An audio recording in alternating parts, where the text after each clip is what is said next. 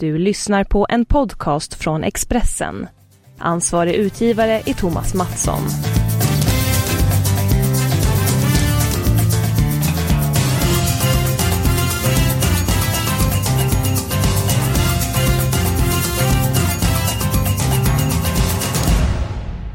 Jan Anderssons manskap, de går som tåget i Ryssland.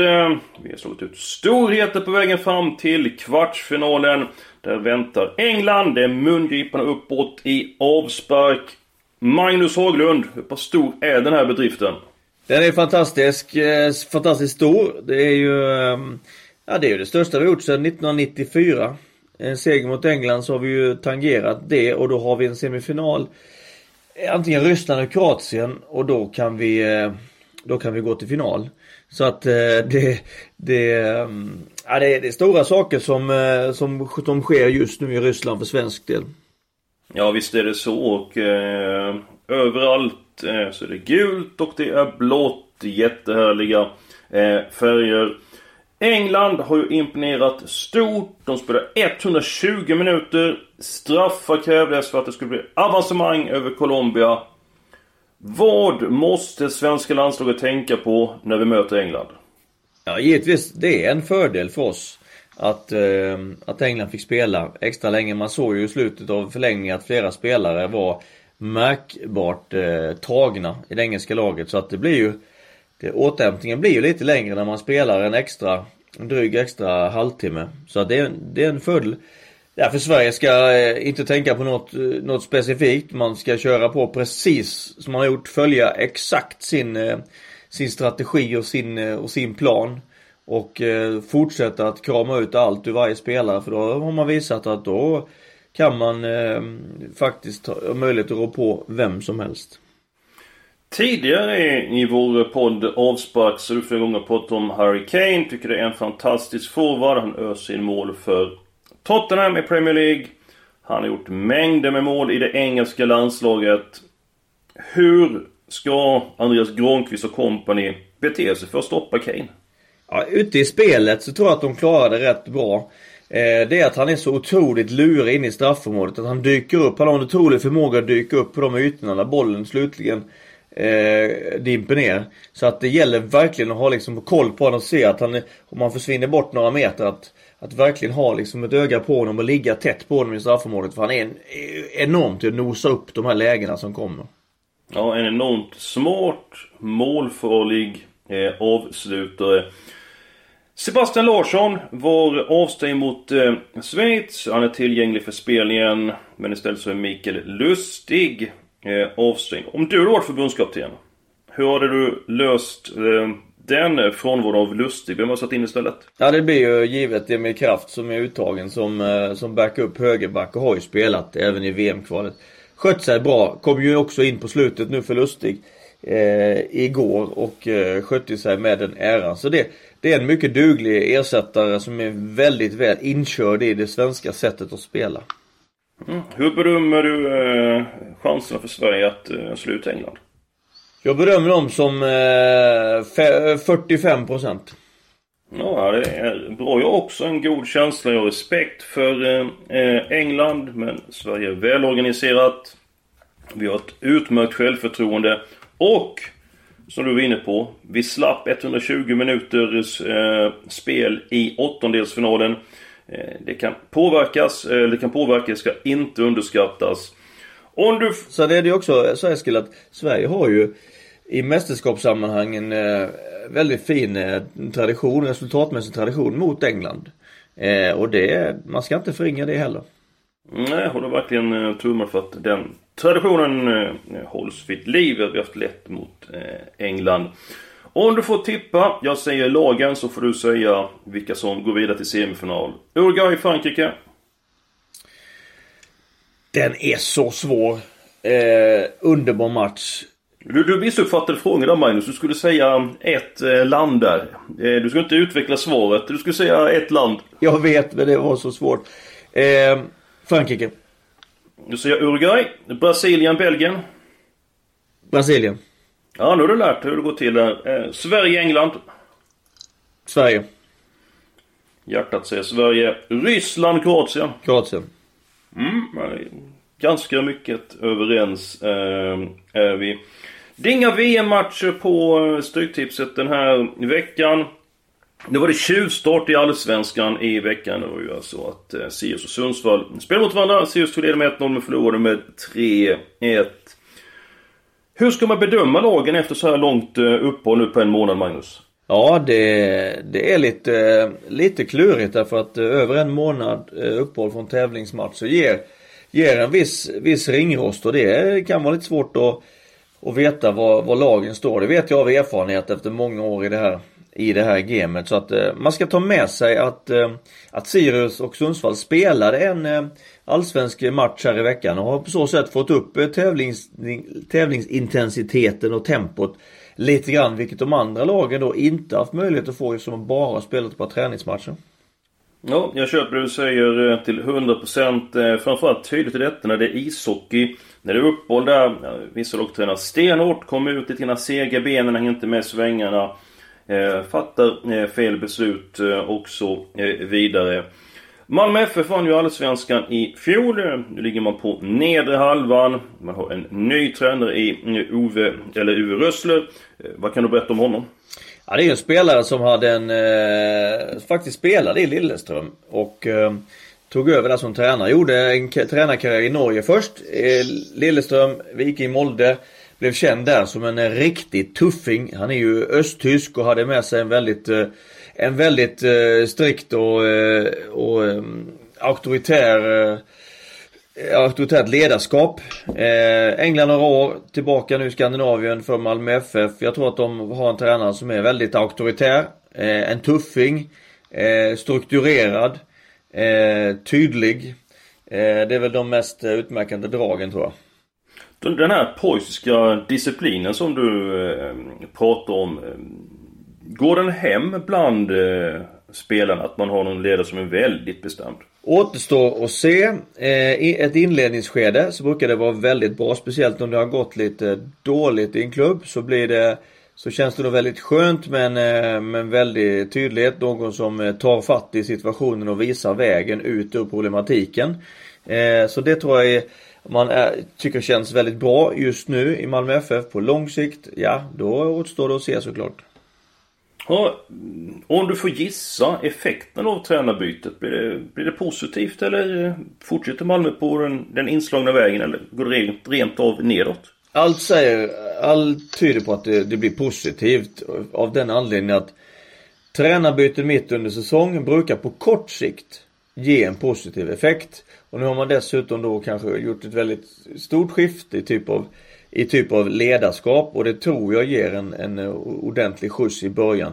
Vad det ger över tid, det är någonting annat. Men eh, under, under uppstarten här på Allsvenskan så tror jag att det är väldigt positivt för Malmö och därför tror jag att Malmö åker till Uppsala och vinner mot Sirius i helgen. Ja, jag är också inne eh, på det. Malmö är ett väldigt bra lag. Man är revanschsuget efter den svaga vårsäsongen. Nu har Sirius match i benen. Eh, Sirius eh, har haft väldigt mycket skador. Hade behövt slå Sundsvall i omstarten för att känna att de är med. Nu möter de Malmö FF. Kniv mot strupen. Jag tror väldigt mycket på tvåan. Stryktipskupongen domineras ju av Eh, allsvenska eh, matcher. Eh, Örebro-Elfsborg. Elfsborg har haft ett trögt under våren men avslutar med två stycken raka trepoängare. Hur har det sett ut för Boråslaget under det här uppehållet? Ja, mitt gamla kära Elfsborg har haft ett, ett bra uppehåll. Har en skadefri trupp. Man har vunnit två träningsmatcher. Slagit såväl Häcken som danska Helsingör.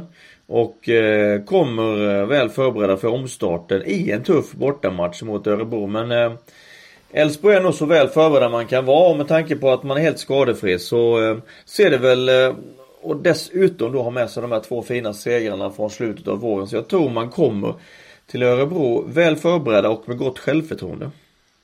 Ja, vi talar att Malmö FF eh, ligger illa till. Tyvärr den liksom ligger eh, sämre än de flesta tror. Men Elfsborg har inte rosat marknaden eh, under våren. Eh, nu ser jag att man får tillbaka spelare, man spelat på under uppehållet. Hur pass positivt ser du på framtiden för Elfsborgs vidkommande? Ja, man bör ju ha en goda möjlighet att klättra i tabellen. Eh, ju mer man får hålla på, ju mer Jimmy Tillins tankar sätter sig i truppen och så bör man eh, plocka placeringar. Jag tycker att man har material för att vara eh, sexa, sjua utan tvekan. Så att eh, där finns ju en klar uppsida eh, över sommaren och hösten här, den ser jag. Vi gör så att vi tar alla tecken i match 11, Örebro-Elfsborg. Match 10, Djurgården IFK Norrköping. Jag tycker att den matchen är svår för alla tecken även där. Ett lag eh, som jag tycker haft lite grann otur, men som har mycket spel i sig, det är Kalmar FF. Nu möter man IFK Göteborg på bortaplan. Hur ser du på den här matchen? Jag tycker det är en svårtippad match. Göteborg blir säkert eh, för hela som favoriter i matchen, men men för mig är det en ren 50-50 fight. Kalmar har gjort det riktigt bra. Jag tycker Nanne har fått en väldigt fin ordning på, på Kalmars eh, upplaga 2018. Blåvitt är ju blandar och ger och har egentligen gjort väldigt få bra matcher tycker jag. Det har sett rätt trögt ut så att ja. Jag tror att eh, Kalmar absolut har chansen att, att vinna. Jag tror att det blir och jag tror att man ehm, Eh, jag tror inte att man Jag tror helt enkelt inte att Kalmar förlorar. Mm, mm. Ja, kanske man skulle ha gått på kryss 2 på den matchen, men vi tar, vi tar alla tecken. De säkra matcherna den här eh, veckan, det är match nummer 12, Karlstad United mot Assyriska, en etta. Match nummer 2, Dalkurd mot Brommapojkarna. Dalkurd måste vinna för att haka på. Märkligt nog att Dalkurd bara tog ett 5 poäng. Jag, jag, tycker det är underkant. Hur ser du på Dalkurds inledning? Ja, framförallt så tycker jag de spelade väldigt bra de första matcherna. Och fick väldigt lite med sig och sen så tror jag att det satte sig eh, lite i huvudet och skuldrorna åkte upp och, och då är det svårare att, ehm, att prestera den fotboll som man kan och vill. Så blev det en, en riktigt dålig avslutning på våren. Mest utifrån att man inte längre hade, hade tron på sig själv och, och det blev ett tränarbyte där. Nu har man, nu har man liksom fått börja om igen så att jag tror, jag tror du, att vi, vi är rätt ute som tror på ettan på Dalkurd för det gäller liksom att samla upp sig nu och jag tror man har använt det här uppehållet på ett bra sätt och då vet vi att en trea är ju väldigt välbehövlig för Dalkurd. Ettan spikas i den matchen, så spikar vi tvåan Malmö FF mot Sirius. Vi har pratat mycket om den äh, matchen. Äh, omstart Allsvenskan som sagt. Vilket lag vinner eh, Allsvenskan nu? Hammarby leder ju före AIK, alltså eh, Norrköping. Eh, tre poäng efter Bayern. Vilket lag tror du tar hem årets Allsvenskan? Jag håller fast vid det tipset som jag hade före säsongen startade, nämligen AIK. Eh, man har ju fått eh, dessutom ett fantastiskt nyförvärv i Sebastian Larsson som... Ja, vad betyder det att han kommer hem från VM? Ja, man har haft en bra balansspelare i Edo men nu får man en, eh, en spelare på en helt ny nivå för, för AIKs mittfält. Så att det betyder enormt mycket som spelare, som människa. Så att det fäller, det var nog liksom tungan på vågen. det som fäller avgörandet för AIKs del. Så jag har mitt tips är eh, klart och tydligt att AIK vinner Allsvenskan. Och dessutom har Sebastian Larsson spelat i eh, Sandrand. Sandland. Värdefull rutin ifrån eh, stora matcher. Han har varit fantastiskt bra i det svenska landslaget under VM. Att han är tillbaka nu, det är väl ingen skräll på att han går in i laget. Gustav Svensson går tillbaka eh, på bänken. Vad betyder det för Sverige när Sebastian Larsson spelar landslaget? Ja, vi får ju, dels då har ju en mer erfarenhet än vad Gustav Svensson har. Han är väldigt samspelt med Albin Ekdal. Sen tycker jag Gustav gjorde det jättebra igår. Ja, fantastiskt bra. Fantastiskt bra. Det också. Men Sebastian är ju ytterligare vassare utifrån de, de kriterier jag sa. Plus då att Sebastian Larsson har ju en passningsfot som är vassare än Gustavs. Och dessutom har han ju fasta situationer, hörnor och frisparksinlägg. Som ju av en, och frisparkar av en fantastisk kaliber. Så han är ju väldigt viktig med alla dessa egenskaper Sebastian. Ja, eh, många kvaliteter Sebastian Larsson, eller Seb Larsson som säger i Sunderland. Hallgarderingarna den här veckan. Match nummer 6, Lund mot Ängelholm. Ett kryss där. Match nummer 4, Trelleborg mot AIK. Jag tror mest på AIK, men Trelleborg, de gör det bra med sina små medel. Jag offrar ett lyxkryss i den matchen.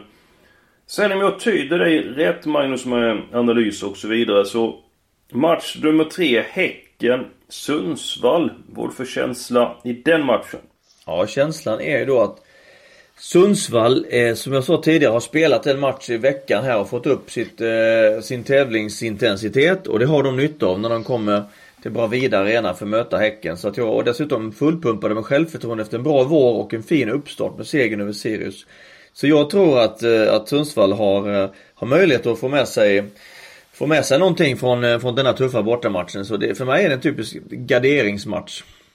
Ja men då, då tar vi med krysset där. Sundsvall har match i benen. Man har bra självförtroende. Och har inte givit slaget eh, förlorat. Det var allt eh, för den här veckan. Nu sätter jag och Magnus på oss landslagströjorna. Vi laddar inför lördagens match mot England. Vi håller tummarna. Det ska vara så kul. Och Sverige går ytterligare i VM. Nästa vecka då är vi tillbaka med en ny podd. Fram till dess så får ni ha det riktigt bra.